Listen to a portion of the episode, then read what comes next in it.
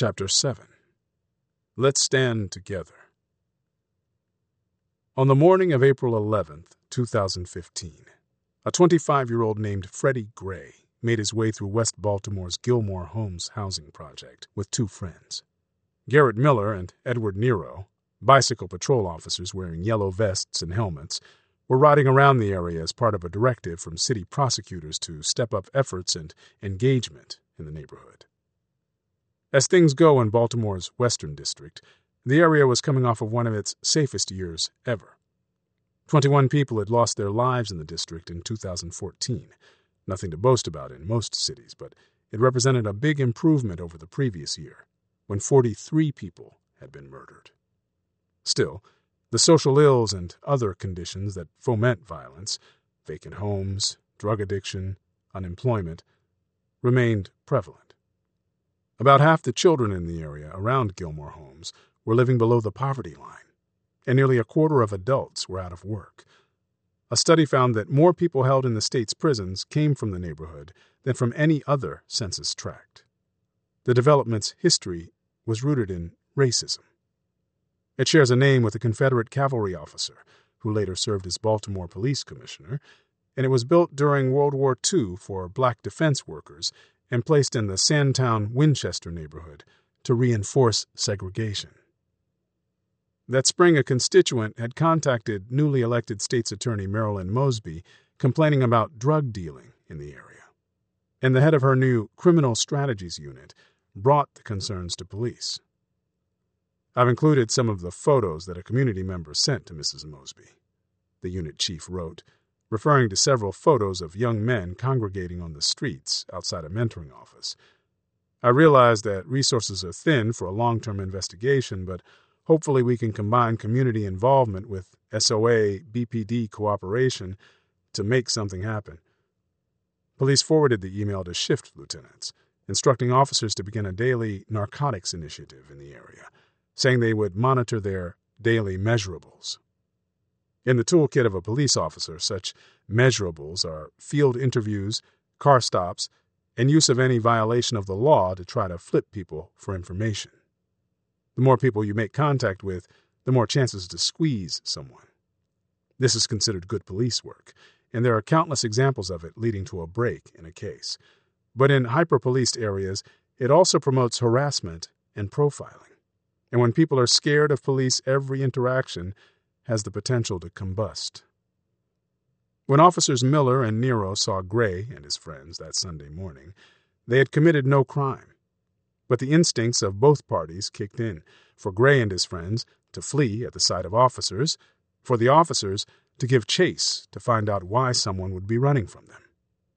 Miller caught Gray first, taking him down to the ground and handcuffing him even though at that point there was no apparent reason to do so.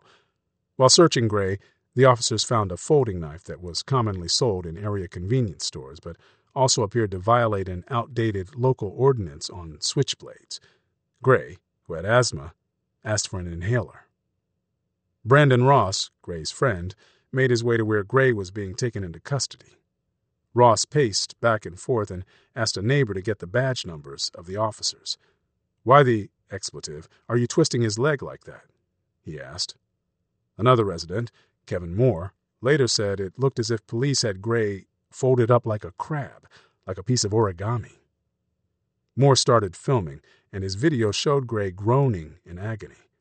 As the officers carried him to a van, his legs appeared to be dragging behind him.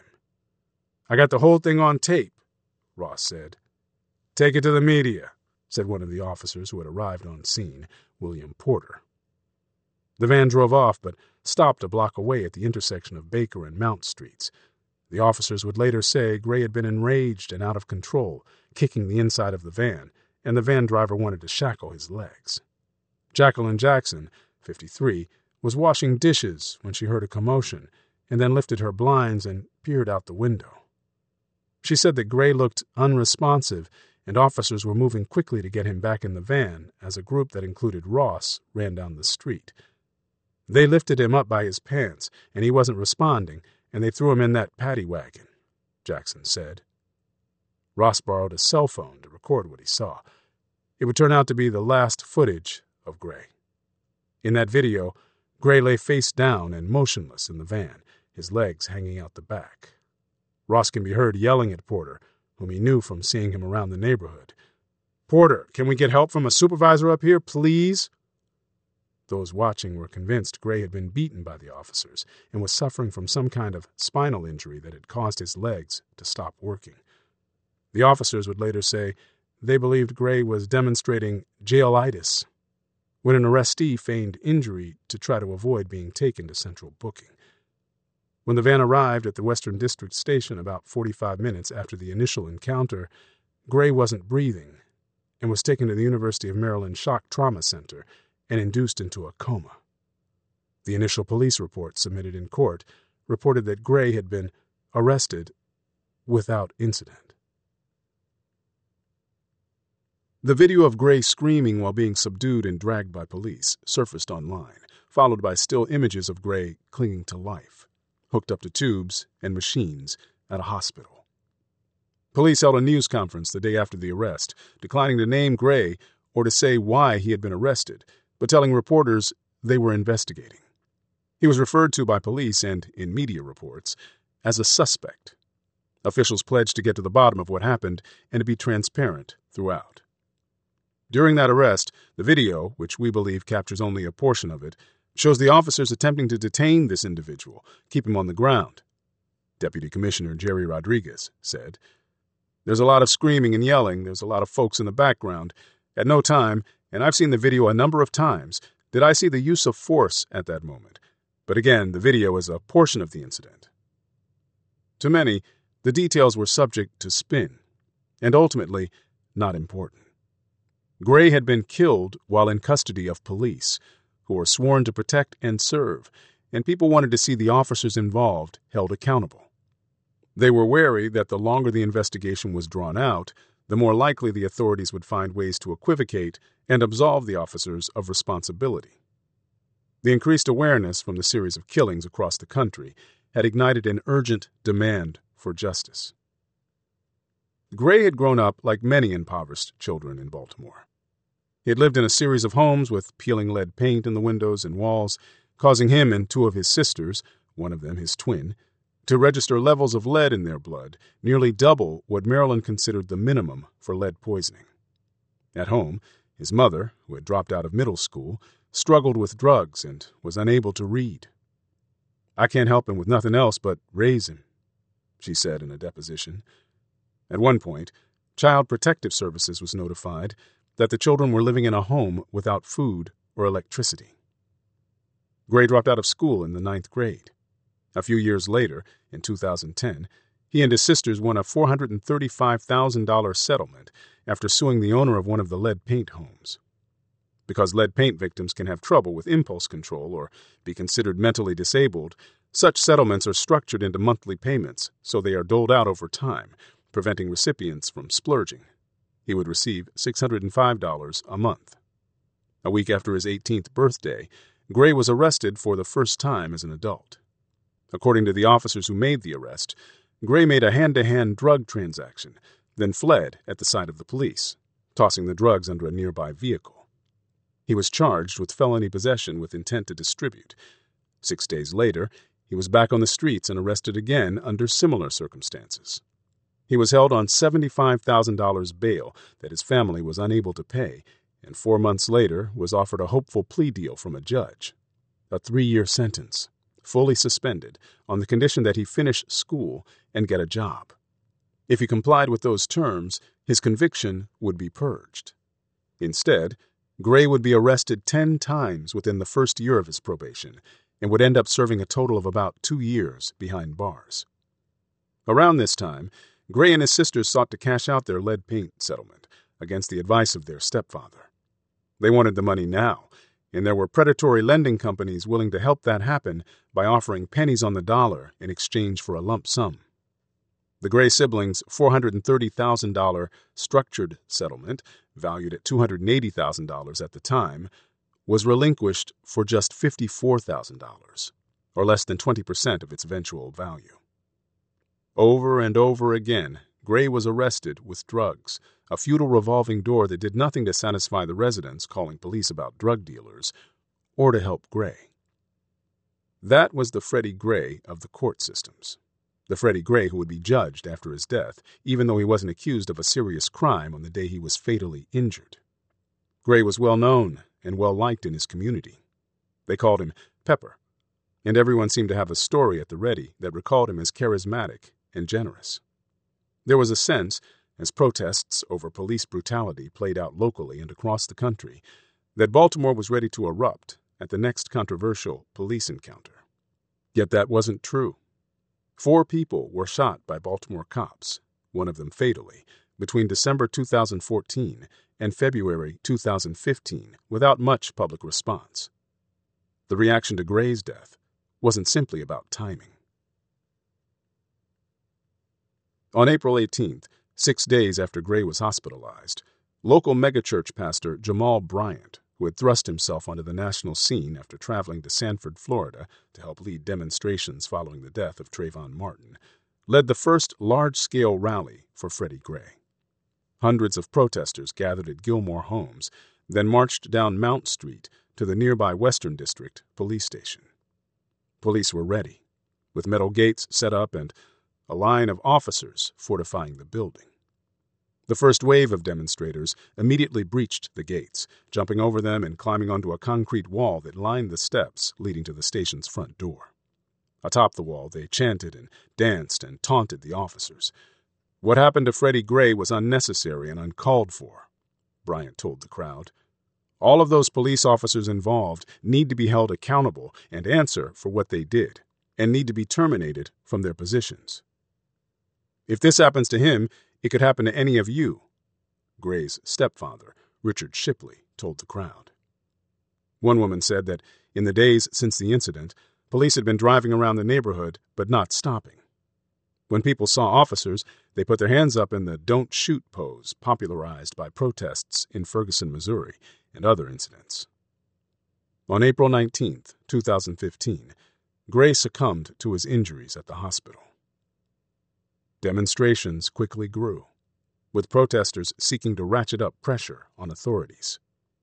We believe the power is returning to the people in the city of Baltimore, Bryant said outside City Hall on April 23rd.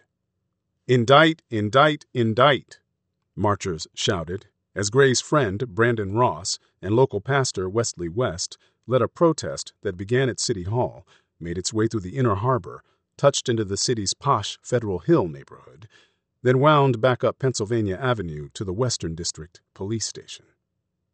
Jenkins, who just a month earlier had been charged by Internal Affairs for misconduct, can be seen in citizen videos and pictures riding shotgun in a police car with high ranking Lieutenant Colonel Sean Miller as it was surrounded by chanting protesters. Gray's friend, Ross, stood at the base of their vehicle's hood, placing the megaphone down on the car and taking off his hat, yelling, Freddie, Freddie, Freddie into the vehicle, surrounded by others with their fists raised. Officers like Jenkins, who were used to running the streets, were now back on their heels. Inside police headquarters that night, April 23, 2015, a task force of 30 officers and commanders who had convened to try to uncover the truth about Freddie Gray's death had so far gained little insight. The blinds were pulled shut, and a timeline that included still pictures of Gray's arrest, notes, mugshots, and photos of the police transport wagon were taped to one wall. On another wall were graphic autopsy photos of Gray's head. By assembling video clips and statements from witnesses, police had produced a minute by minute account of what they knew about Gray's arrest and transport. Much of the chronology relied on statements from the officers involved in Gray's arrest who had agreed to cooperate with the investigation which was all of them, except Caesar Goodson, the van driver. Gray's injuries did not appear to have occurred during his arrest, and it was more likely that they had occurred inside the van. There were still gaps in what they knew, and Commissioner Batts had set a May 1st deadline to turn their investigation over to prosecutors. A Baltimore Sun reporter, Justin George, was embedded in the investigation and watched what transpired. We have to go through this chronology again, Deputy Commissioner Kevin Davis said. Every time we do this, we're going to learn more. We're going to get better in explaining and articulating what we know. A homicide sergeant announced that his team had checked the closed circuit cameras of 27 businesses in West Baltimore and found footage showing an undocumented stop of the van carrying Gray. It showed Goodson emerging from the van, opening both rear doors, and appearing to speak to Gray for about two minutes. The stop had not been announced on the police radio. It was also unknown what had caused Goodson to stop and what had occurred when he looked in the back. Does he go into the wagon? Davis asked. No, the homicide sergeant said. He just opens the door. He's on the outside of the wagon, and it appears that he's having a conversation with the person inside the wagon. As they spoke, someone yelled, Attention! And everyone in the room jumped to their feet. In walked Commissioner Batts, wearing a dark suit. He asked everyone to sit and took a seat in the corner of the room. Backs stiffened in their chairs. The lead investigator was asked to go over the chronology as if it were being laid out for the first time. She did. The bike cops, Nero and Miller, had made eye contact with Gray, who took off running. When they caught up, Miller had yelled, Taser, taser, get down. And Gray did. Gray was handcuffed by Miller, and he asked for an inhaler. Gray began to yell, and the officers searched him and found a pocket knife. Miller used a leg lace hold to keep Gray from moving and called for a transport wagon. So we've gone from eye contact to apprehension, Davis said. As the officers discussed what happened next, including the loading of Gray into a transport van, Batts spoke up from the corner of the room. He wanted to know on what basis the officers had justified arresting Gray at all. What kind of probable cause do you have? asked Batts. We got the knife, Davis responded. The knife was found. What probable cause do you have? Batts said again. Gray had run when the bike cops made eye contact, a detective said, noting that a so called Terry stop allows officers to pursue someone who flees in a high crime area and to detain that person on the basis of reasonable suspicion. An arrest requires probable cause, a higher threshold, and Batts noted the detectives had handcuffed Gray prior to finding the knife. Did detectives suspect Gray had a gun? Bulges or anything? The commissioner asked. Do we actually have that at this point? No, a colonel responded. We do not. Batts again asked what justified the search of Gray's pockets and subsequent arrest. No one from the task force knew the answer. Hours later, after most task force members had gone home for the night, Batts sat with his commanders to discuss another thorny issue compelling the police van's driver, Goodson, to give a statement to investigators. Evidence indicated that Gray had sustained his fatal injury in the van, but investigators didn't know how it had happened. Of the officers questioned after Gray's arrest and death, only Goodson had declined to provide a statement. To Batts, it was imperative to know Goodson's version of events, but his commanders warned him that this was a legal minefield Anyone, even police officers, under criminal investigation, has the constitutional right to remain silent. Under state law, however, police officers could be forced to give a statement as part of an internal investigation. But whatever he said there couldn't be used except in those administrative proceedings. Compelling him to talk might provide clarity, but it couldn't be used in the criminal case, and could even imperil that process by raising issues of cross contamination. So, what do we tell to this community that's setting this city on fire right now? Batts asked, referring to the increasingly tense protests. Do we go out there and say, I don't know? Or do I compel him and get another statement or get an understanding and say there is misconduct or there is not misconduct there? At some point in time, beyond this case, we have the responsibility of the public trust. One commander noted that investigators had already uncovered enough evidence to establish that an atmosphere of negligence had caused Gray's death. Another thought up to four or five officers could face criminal charges. We didn't seatbelt the guy in. We drove this guy around for a half hour after he said he couldn't breathe and needed a medic. The commanders suggested Batts tell the public that investigators had uncovered police misconduct. Batts was frustrated that so many questions remained about Gray's injury. Can you definitively tell me that officers did not beat him before they put him in that van? He asked. The commanders said they could not. They're not going to believe us, Batts said. The public will hear me and think it's a conspiracy. We're hiding everything. We're trying to make those police officers innocent. On Friday, the day after Batts huddled with his commanders, he held a news conference and said officers had violated department policies while Gray was in custody. Police were now investigating whether Gray's injuries resulted from his arrest or from a rough ride in the van, Batts said. A rough ride was when police intentionally drove in a way that would cause an unbuckled, handcuffed prisoner to be thrown about in the back of a van.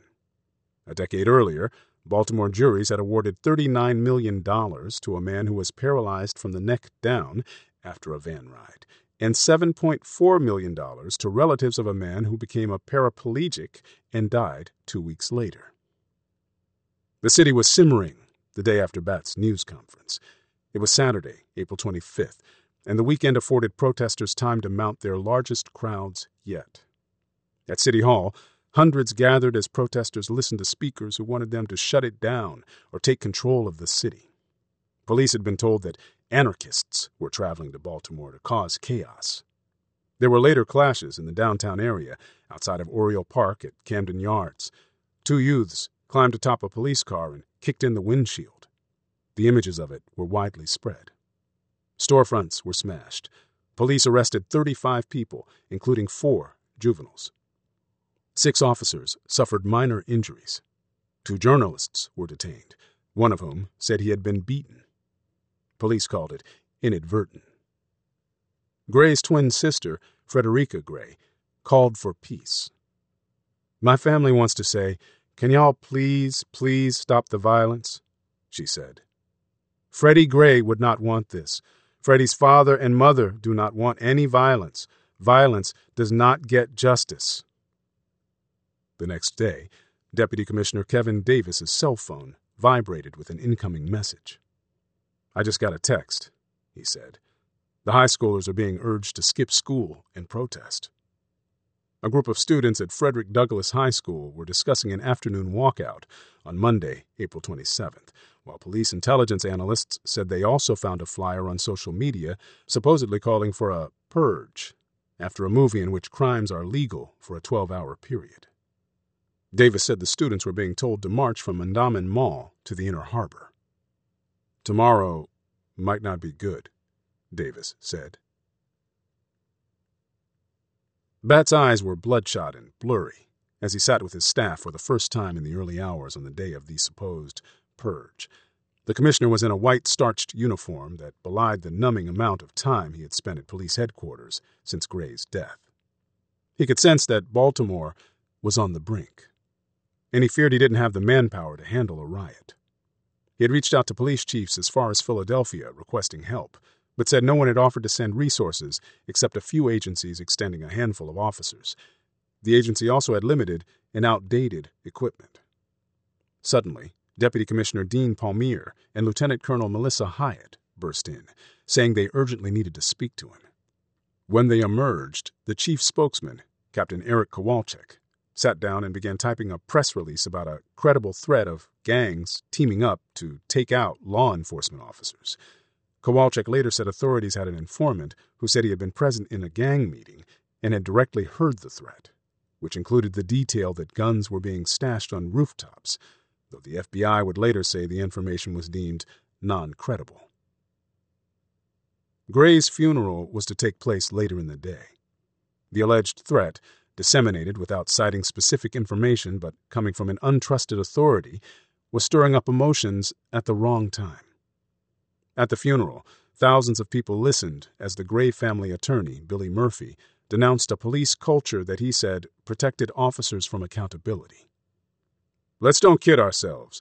We wouldn't be here today if it wasn't for video cameras, Murphy told the mourners. Instead of one cover up behind that blue wall after another cover up behind that blue wall, and one lie after another lie, now we see the truth as never before. It's not a pretty picture. The Purge flyer, said to be posted to social media, called for an uprising starting at Mondawmin Mall on the west side. Years later, its origins, as well as whether it carried any real influence among youth, remain unclear, but its existence put officials on edge. Around 1:30 p.m., police asked city schools to stagger dismissal times, but school officials said it was too late. Police from three agencies next gathered at the metro station on the edge of the mall for a roll call, with the city officers in riot gear. The first rock was reported thrown around 2:46 p.m., and within minutes, police formed a skirmish line across the Mondawmin bus loop, blocking access to buses as teenagers arrived on the subway line, which was used by 5,000 youth each day to get home from school. Let's start corralling these kids and let's start making arrests, an officer said over the radio. At 3 p.m., the metro station was ordered shut down, a move that years later no one has taken responsibility for, and that community members maintain was the real spark to what came next. Teens who wanted to get home couldn't. Others appeared to be arriving with rocks in backpacks. Officers were told to stand in lines and not to engage. Rocks were flying, and officers, with outdated gear and little training for such a situation, were getting hurt. We're getting creamed, one yelled. At least one could be seen lobbing a rock back at the youth. Do not go forward and chase them, a supervisor said over the radio. Hold that line, hold that line. Do not advance. Hold the line. Wayne Jenkins stood in the dim light of the department's sixth floor surveillance camera nerve center, taking in the images on the screens. Regarded by some as one of the agency's best street cops, he'd made only four arrests all year after being put in timeout as he was investigated for allegedly planting drugs on Walter Price the previous spring. Then, just a month before Gray's death, Jenkins had been hit with internal misconduct charges that could bring serious punishment. Despite that, he'd been on the streets during the bubbling unrest, and now, as he watched the images of outnumbered officers getting hurt, he decided to head into the fray. Officers were being asked to go to the edge of Druid Hill Park, at the entrance to the state's zoo, just a few blocks from the mall and metro station, to provide help for injured officers. Jenkins ran down the hall and found another sergeant, Laverne Ellis, and told her what was happening. They hopped in a car and navigated their way through gridlocked traffic to the park, where a division of correction van, being used to drive officers around in platoons, was parked. In a report to his supervisors, the prison corporal in charge of the van said he was climbing out when Jenkins jumped in with five others, saying it was an emergency, and took off, leaving the corporal behind. Video from a news helicopter and from the ground shows the van, with a broken side window, arrive at the mall around 4 p.m. Jenkins would later write up his own account of what happened, saying the van had been pelted with objects as he made his way to injured officers and loaded them into the van. He then ordered another officer at the scene to drive them to safety and took that officer's place on the front of the police line, he said. His supervisors would nominate him for a special commendation for his actions. A supervisor on the ground later recalled Jenkins lobbying to take on a group of rock throwing youngsters about 50 yards away and drag them behind the skirmish line. The answer was no, and Jenkins argued with the supervisor about not being allowed to be more aggressive. Other officers remember how Jenkins also dug into his own pocket at one point and paid $600 to feed hungry officers, making runs to Royal Farms and coming back with bags of fried chicken. He pretty much fed the department for a day one officer recalled. It was a huge morale booster. At Mondawmin, clashes were pushing into residential side streets, while a throng of young people pushed their way a half mile south to the intersection of Pennsylvania and North Avenues, another busy area and transit hub. The officers hung back as a CVS drugstore, one of the few reliable places in the community for residents to get affordable prescription drugs and supplies, was breached and looted. Looting expected. Let it happen, commanders had said over the radio, worried about the optics of officers getting into a street battle. People emerged from the store with arms full of Tastykakes, detergent, and other goods. Cars even arrived to drop people off to run inside. Once the shelves were bare, fires were lit inside, and the store began burning. On North Avenue, an abandoned city police car was ransacked. A transportation police vehicle across the intersection was set on fire. When firefighters moved in to extinguish the blaze at the CVS, a young man wearing a gas mask punctured the hose. As officers deliberated whether to move in and attempt to restore order, a 20 year old man named Donta Betts stood in the street lighting propane cylinders using charcoal and toilet paper, creating a barrier. Betts also looted three stores that day. Asked after his arrest about his motivation, he told federal authorities, I figured I did all this because it was my period of time to go wild on the police. Police eventually took control of the intersection, but looting continued throughout the night, with several drugstores and pharmacies hit. Nearly 315,000 doses of drugs were stolen, more than 40% of which were Schedule II opioids, a class that includes methadone, oxycodone, and fentanyl. It was enough narcotics on the streets of Baltimore to keep it intoxicated for a year, Commissioner Batts would say. The DEA, meanwhile, later reported that none of the stolen prescription drugs were recovered by law enforcement. They didn't know it, but that wasn't entirely true. Later that night, in a quiet waterfront neighborhood in the suburbs 20 miles east of downtown, Donald Stepp was rousted from his sleep to meet a visitor outside his garage. It was Jenkins, fresh off his heroics in West Baltimore. From inside the trunk of his unmarked police car, he pulled out two garbage bags that contained thousands of pills. What's this? Stepp asked.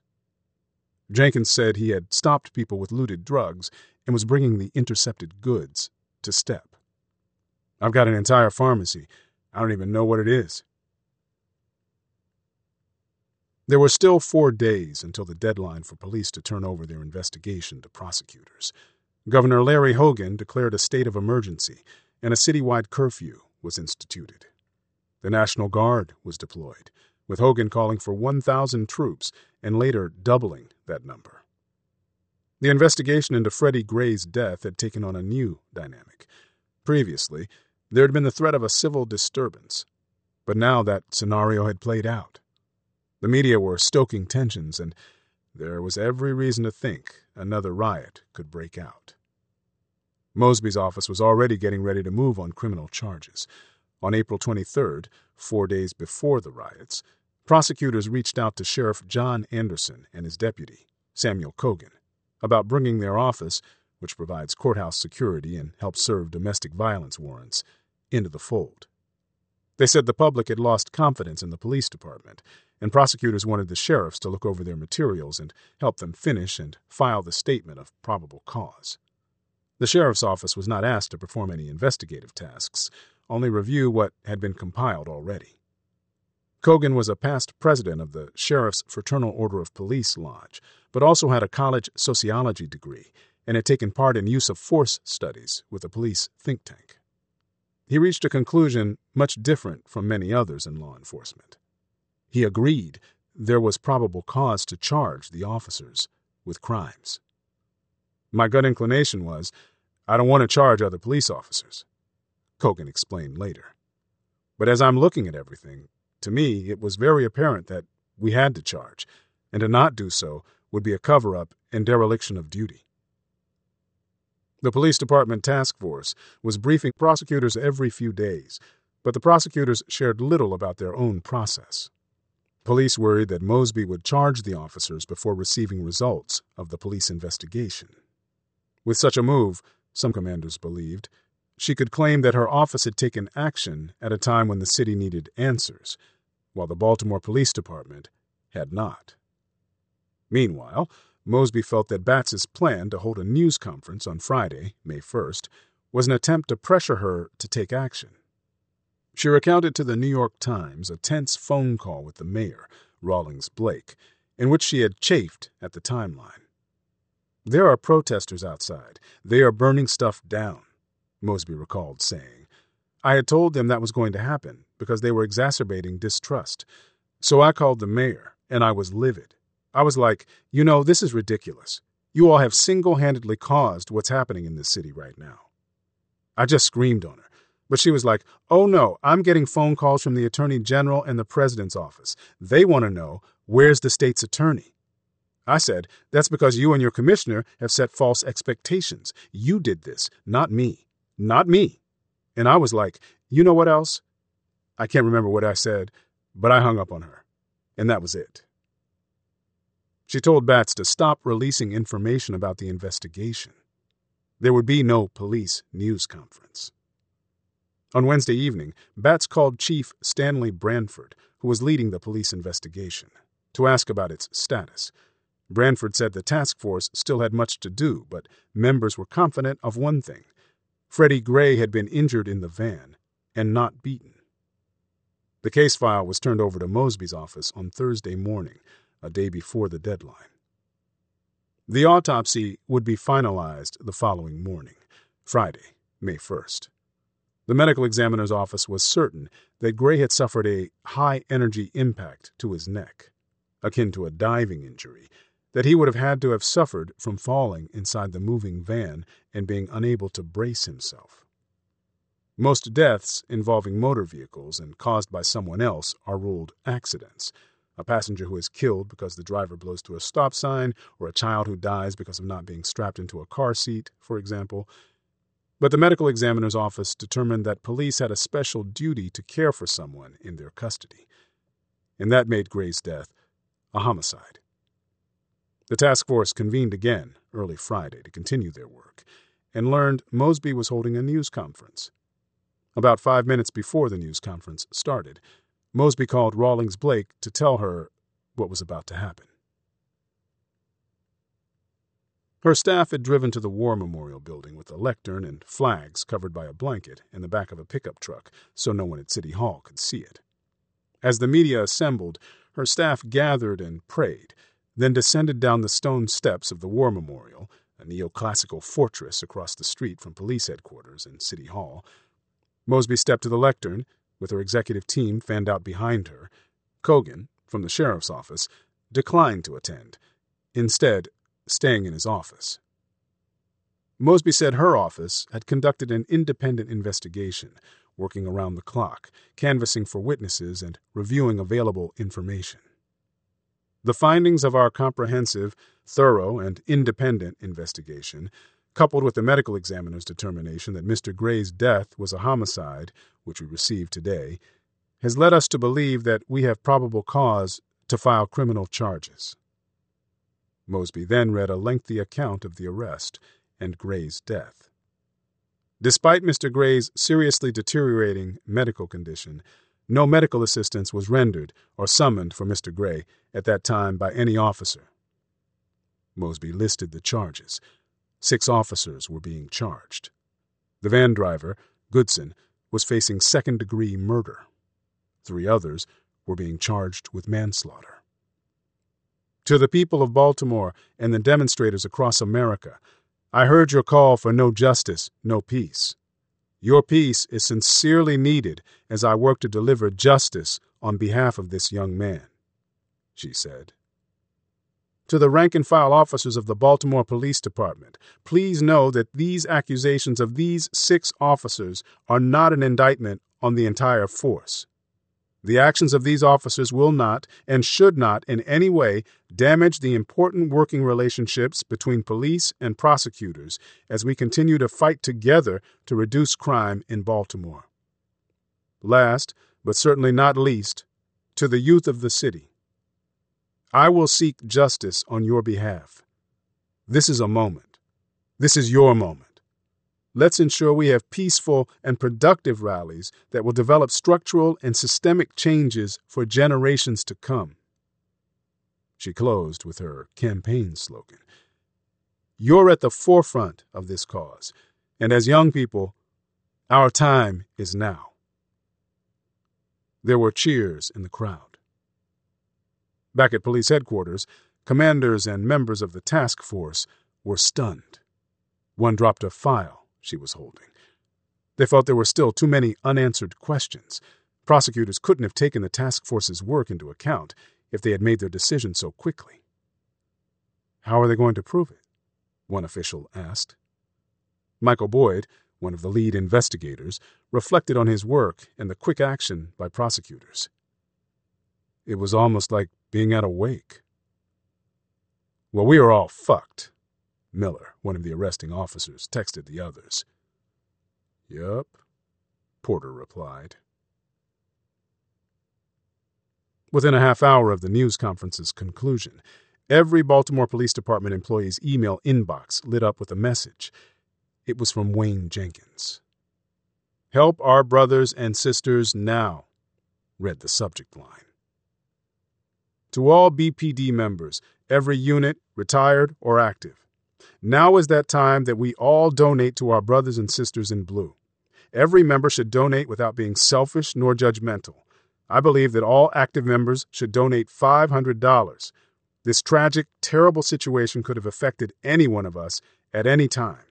Please, I beg for you not to say, I have bills or I can't afford it. Let's finally stand together and help one another without worry about self preservation. I, Sergeant Wayne Jenkins, will collect all donations from the SES, Special Enforcement Section, unit. Could someone please step up and support each and every unit in our department and ensure that everyone, everyone, everyone donates? No more greediness or excuses. Now is the time to prove we are a family. Remember, this absolute terrible situation could have affected any one of us. Hold each of our brothers and sisters accountable for these donations ASAP. Every single member. Jenkins next organized a fundraiser at Silk's Bar, owned by Stepp's associate, Dennis Danielchek, and sent out another email blast asking that notice of the event be read out at all roll calls. An email came back from a higher ranking supervisor in the Operations Intelligence section, Byron Conaway. You're a leader, Wayne. Much respect, bro. The decision to file criminal charges was instantly controversial. Mosby was widely praised for taking rare and decisive action. The high profile cases over the previous months had shown that when it came to police, authorities too often dragged their feet, looking for ways to absolve officers rather than taking the kind of swift action regular citizens might face in similar circumstances. To many others, Mosby had acted hastily. The phrase rush to judgment was repeatedly lobbed, and she was attacked by right wing outlets and pundits. A magazine produced by a New York police union put her image on the cover with the headline, The Wolf That Lurks. Mosby drew more ire when she seemed to bask in the positive attention, sitting on stage at a Prince concert in Baltimore and being photographed by Annie Leibovitz for Vanity Fair.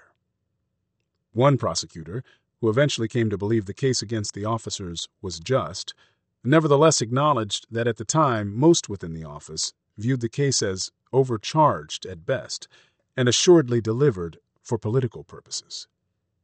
The City Council, and later Rawlings Blake, called on the Justice Department to conduct a civil rights investigation of the Police Department, a precursor to a consent decree in which a monitoring team and a federal judge would provide oversight of the department. As part of the civil rights investigation, the Justice Department dispatched a team of investigators to comb through internal files and hold listening sessions with residents. They would do ride alongs and analyze data. Officers reported being surrounded by angry people and cell phone cameras, even on routine calls. Arrests made by police fell sharply, as much as 90% from April to May. Officers working in the plain clothes unit recalled showing up for work and doing nothing. All we heard was how horrible police were. We legitimately had conversations. Are we going to do work today? said one officer who worked plainclothes at the time. The public wants to police themselves? Let's see how they do. No one was killed during the riots or during any actions related to the civil disturbances. But away from the demonstrations, violence exploded across the city. 42 people were killed in May, the most in a single month in Baltimore since August 1990, when Baltimore's population was 100,000 higher. The shootings happened all over, but especially on the city's west side. Andre Hunt, 28, was a well liked barber who mentored children and volunteered with the local NAACP. He had also been arrested by Jenkins 18 months earlier and had become a DEA cooperator. He was ambushed and killed at his barber shop less than three weeks before he was set to report for sentencing. A 31 year old woman and her 7 year old boy were gunned down in their home. The 22 year old son of the incarcerated producer of the Stop Fucking Snitching video from the mid 2000s was killed on the east side. One night, a man was shot to death in northwest Baltimore. Thirty minutes later, another man was fatally shot a block away. Police would later determine the second man had killed the first man, then been gunned down by somebody else, who himself would also be killed years later. Commissioner Batts had lost the rank and file. He met with officers in a closed door meeting at the Union Hall in late May, apologizing to them for putting them in harm's way during the riots. He urged them to stay focused on fighting crime. We had a nine year old kid shot yesterday by these knuckleheads, gangsters, thugs, whatever you want to call them, he said. We have innocent people getting shot on the streets of Baltimore. People think we're down. People are giving up on us. I mean this with all my heart. We need to show how fucking good we are. I stand ready to lead you out of this. Batts was in a meeting on July 8th at a downtown hotel, participating in a review of how the police department handled the riots, when his cell phone rang. Pressure had been mounting. Mayor Rawlings Blake felt Batts couldn't lead the city anymore, and she had been exploring options. She couldn't go with an insider, and the city couldn't endure a long search for another outside commissioner. Besides, who in their right mind would want the job? Deputy Commissioner Kevin Davis seemed to fit the bill. He was an outsider, having spent his career in nearby Prince George's and Anne Arundel counties, yet with six months on the job, also knew the city police department. Rawlings Blake liked his cool disposition. She still hadn't made up her mind about Batts when she met with the president of Johns Hopkins University, Ronald Daniels, and Under Armour founder Kevin Plank, who both urged her that the only option was to fire him. Davis was put in charge. The month of July would end with an unimaginable 45 homicides, a record for a single month in the city. Officials announced a new war room effort where they would draw up a list of targets and collaborate among agencies to build cases against them. We are pushing for an all hands on deck approach to this current surge in violence, Rawlings Blake said at a news conference. We know that crime is not static. Neither can we be. It is important for us to work together and recommit ourselves to that collaboration every single day in order for us to get on top of this crime spike. As the new commissioner, Davis sought feedback on what he needed to do to turn the police department around and win back public trust. Community members and officers alike warned him right away that the plainclothes units were a problem he should address, though he said he lacked actionable specifics. These were strong cautionary tales without the benefit of real details, he recalled later.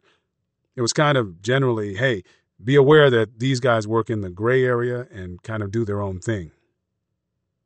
But he also believed plainclothes units were necessary to bringing down crime.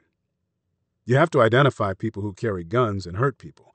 Your patrol officers will stumble upon that guy once in a while, but really, the short term investigative strategies, the street activity that generates those types of arrests and seizures, that's not done by patrol, Davis said.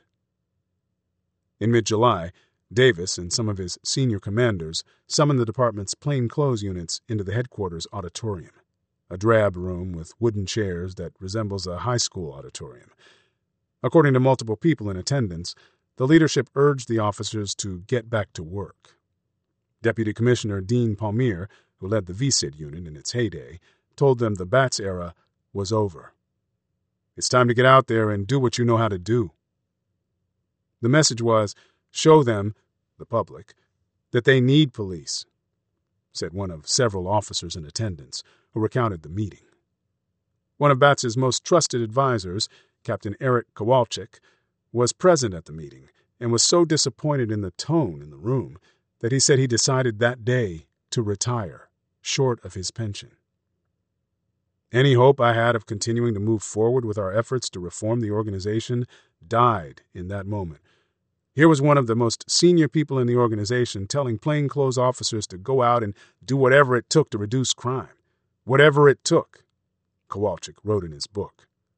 That mentality and operating modality were the exact reasons we had just gone through a riot, the reasons people had protested the department for weeks on end, the reasons nearly 200 officers were injured, millions of dollars in property had been destroyed, and lives were irrevocably changed.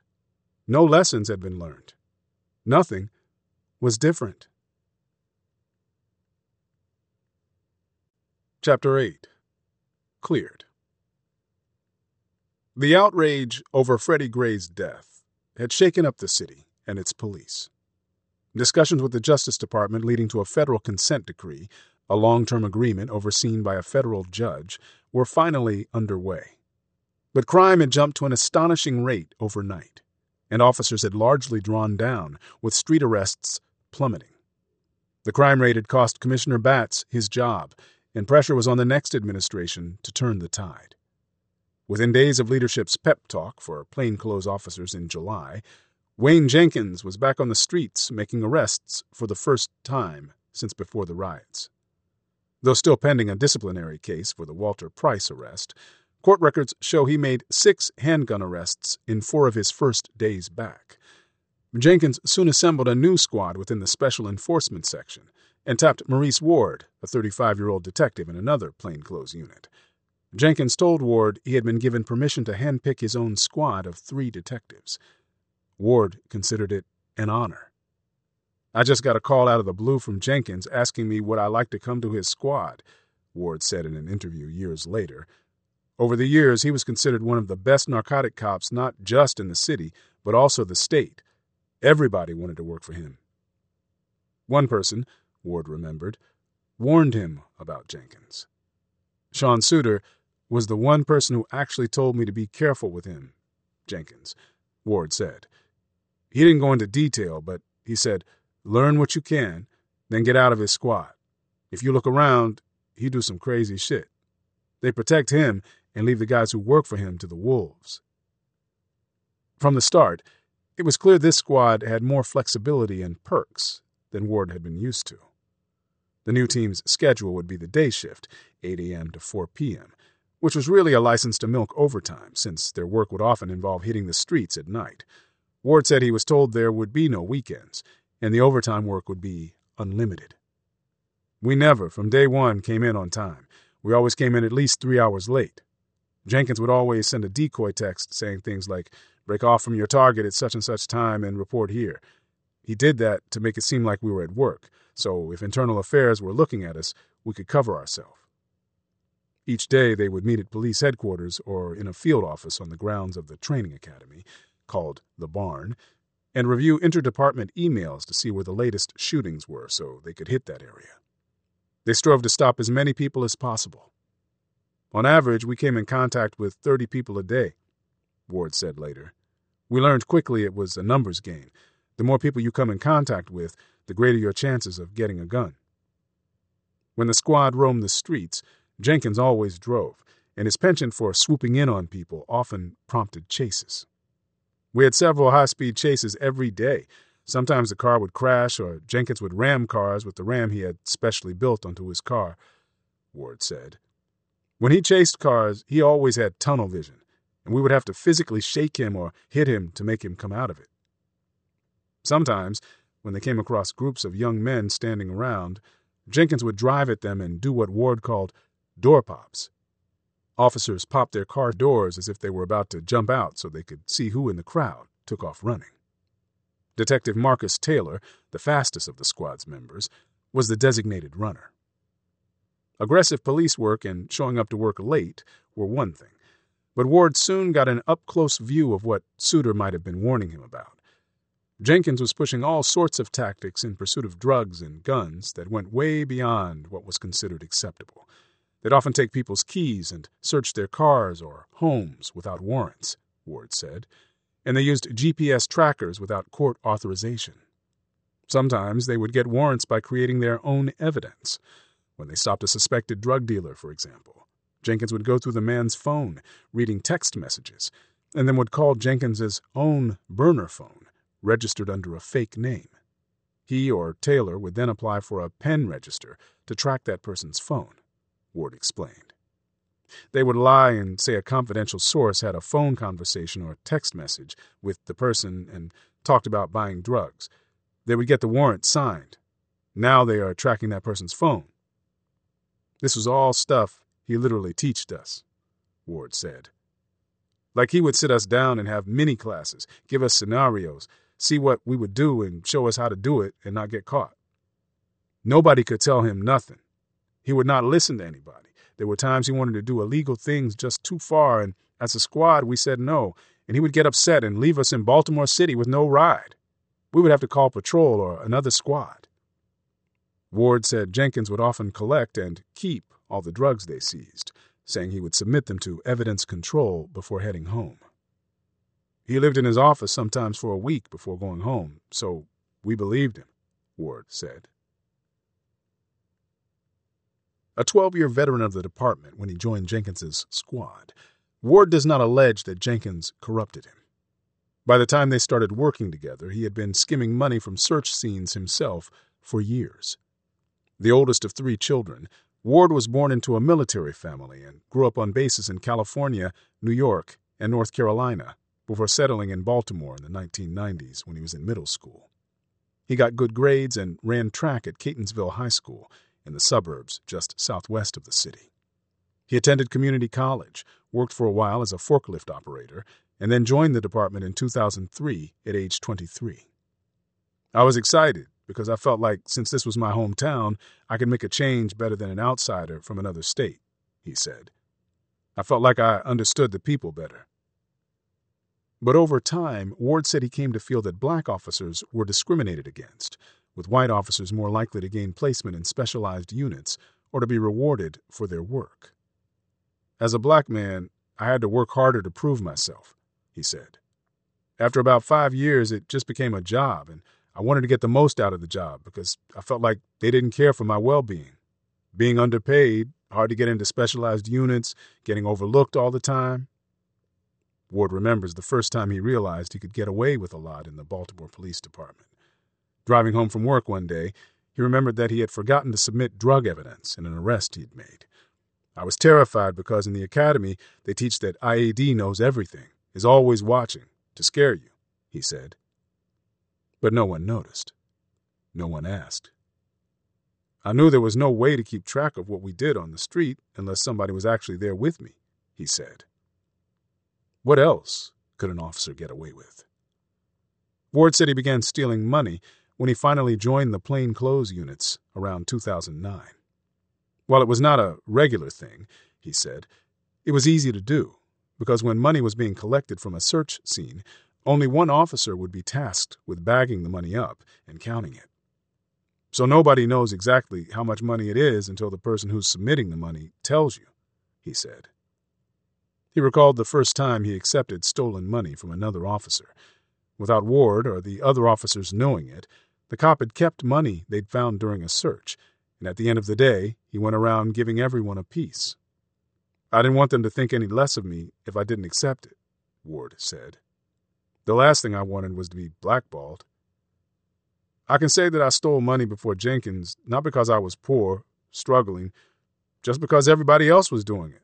And I want to feel accepted and trusted to get into a specialized unit and out of patrol. To go from patrol to any specialized unit, it's not how qualified you are, it's can you be trusted and who you know. There's a lot of men and women in patrol who deserve a spot in drugs, shootings, and other divisions, but if you don't know somebody, you're stuck. The trust factor comes in knowing about extra overtime, witnessing police brutality, or working in the gray area. With Jenkins, Ward was protected. Ward said that when Jenkins needed something equipment, cars, help with internal affairs problems he had a direct line to two deputy commissioners, Dean Palmere and Darryl De Sousa. In late 2015, after Jenkins had successfully asked his supervisors for a Chevy Impala rental car, he shot a message to Palmere. Sir, I want to thank you personally for the Impala. It was the first time in 14 years that hard work was rewarded. My squad will continue to lead from the front, but not for rewards, because it's the right thing to do, Jenkins wrote. Your team is doing an exceptional job, Palmere responded. Not the best car in the world, but should keep you going. I'll keep my eye out for a new one when it comes in. Keep pushing and have a Merry Christmas. Sir, I hate to call you for another favor when you always help out. Jenkins emailed De Sousa a few weeks later, asking for flashlights. My squad gets guns every night when the sun goes down. I just like my guys to get something new for what they've been doing. Wayne, will 30 flashlights work? De Sousa responded. My guys only need eight, sir. Thank you. Ward had been working with Jenkins for two or three months when he discovered just how far Jenkins was willing to go. One night, the squad pulled over a car in East Baltimore and, and found two trash bags full of money in the trunk. No one stole anything that day, but Jenkins later mused about the possibilities. Jenkins explained that he'd already tracked the man to Essex in Baltimore County. They could stake out the home, go through the man's trash, and find something to parlay into a search warrant. Then they could enter the house and take money, leave, and call county officers, acting as if they had just arrived and needed assistance executing the warrant. Jenkins then suggested another option. You guys willing to go kick in the dude's door and take the money? Jenkins said, suggesting they drop the pretense of police work altogether. The officers with him hesitated, Ward said. Nobody said yes or no, instead, expressing ambivalence. Later, Jenkins did more than talk about it. Jenkins told his officers that he'd heard over wiretaps that Belvedere Towers, the former name of a high rise apartment complex in Roland Park, was prime real estate where large drug deals went down.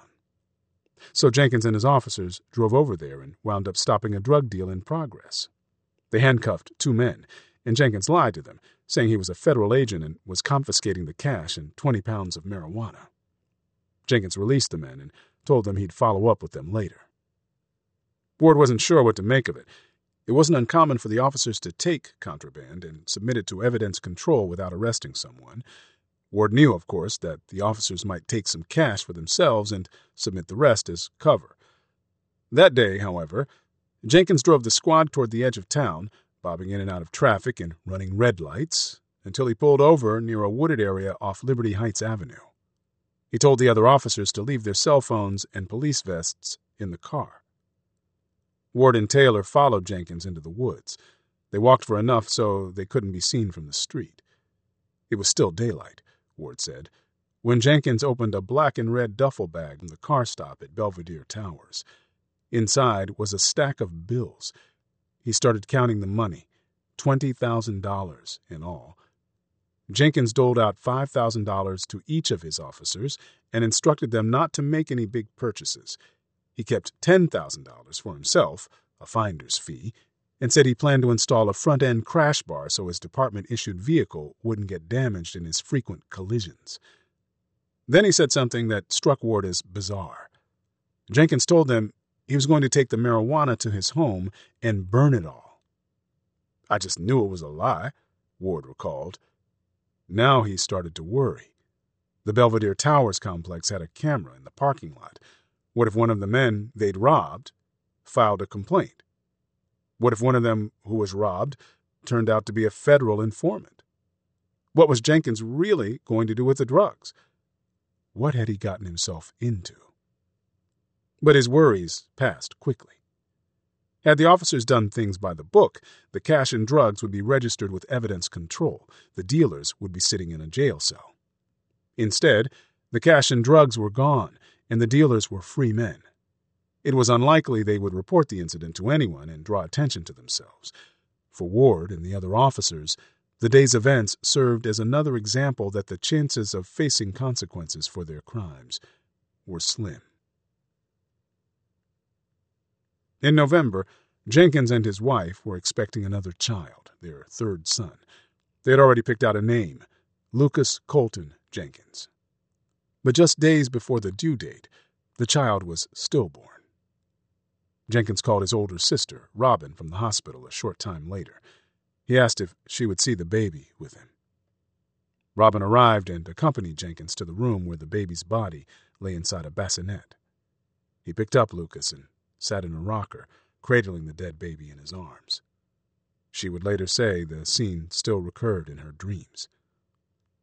Lucas was buried on November 10, 2015, the day he was supposed to be born, under a headstone inscribed with a Marine Corps symbol. A couple of hundred people attended the ceremony, many of them police officers.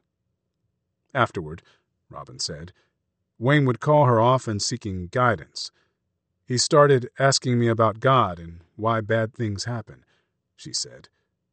Years later, people close to Jenkins who had been unaware of his crimes would wonder if this was the turning point. Jenkins took a short amount of time off to be with Kristy before returning to the job. Though he'd returned to street enforcement months earlier, Jenkins was still pending charges from the internal affairs case stemming from Walter Price's arrest from 2014, in which video appeared to contradict Jenkins's account of finding drugs in Price's van. The case had been investigated by internal affairs and police misconduct prosecutors, with IAD recommending that he be demoted, transferred, and suspended for 15 to 20 days. But nothing happened.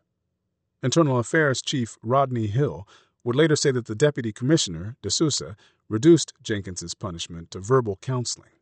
In effect, no punishment at all. Records show the decision was approved by De Sousa on November 25, 2015, following a recommendation from an administrative hearing board. A few months prior, Jenkins had text messaged Molly Webb, the prosecutor who reported him, with a message she found frightening. State's attorneys are informing me that you believe I'm a dirty cop that should be fired. It's slander and hurtful to me what is being said. This is not a promise, nor is it a threat to you in any way, shape, or form. This is just hurting me and my reputation. Now, with the case behind him, Jenkins still had to sign off on the verbal counseling in order to close out the case, and he was given the option of making a statement. It wasn't his style to stay silent. He chose to rip into internal affairs, saying the investigation was conducted unprofessionally. I'm only accepting, spelled with an E, this non punitive counseling out of fear that if I don't accept it, our Internal Affairs Division can continue to investigate recklessly and unprofessionally to target me and other dedicated members of our department who refuse to give up against the crime in Baltimore City. Jenkins was acting as if he was invincible not content to avoid trouble of his own, he was also using the trust and support from commanders to look out for others. Jenkins set up a meeting with the new commissioner, Kevin Davis, to advocate that a fellow detective, Thomas Wilson, be promoted to sergeant, emails show. Wilson had been recommended for termination a decade earlier for falsifying information on a search warrant, but stayed on the job. Then in 2013, he was criminally charged with perjury but acquitted by a jury. For nearly three years, while he was under investigation and continuing after his acquittal, Wilson didn't make an arrest. It was highly unusual for a sergeant like Jenkins to request, or for a commissioner to accept, such a meeting to discuss another officer's promotion. But Davis was new and trying to win over a skeptical force, and Jenkins was seen as one of the field generals. Meanwhile, Jenkins was also lobbying commanders to reunite him with Ben Frieman, who had been reprimanded and reassigned as a result of the Walter Price case. Please fight and get me Detective Frieman back ASAP, Jenkins wrote in an email to several of his bosses. He's a great detective, and the unit is suffering without him. It's the holiday season, and it tears me up to know he didn't do anything wrong. The evidence is all for him. The system is dysfunctional. He should be 10 8. Jenkins wrote in another message, using the code for in service. I know it's out of your hands, but he truly has talent and is a well rounded investigator. Thanks, boss. Every commissioner had cases they could point to to show they were taking police misconduct seriously. For Commissioner Davis, the firing of Detective Fabien Laronde in January 2016 was one such example. When he took over the top job, a community leader had warned him specifically about two officers, Daniel Hersl and Laronde. Laronde for years had been accused of stealing money and was even investigated by the FBI.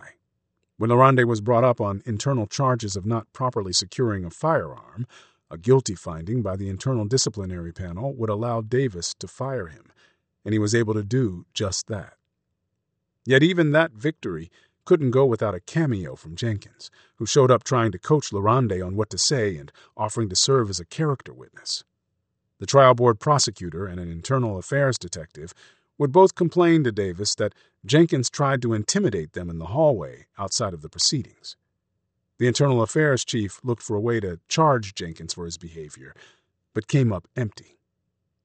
He knew where that line was, and he stayed on that side of the fence, but he was definitely pressed up against it, the internal affairs chief said later.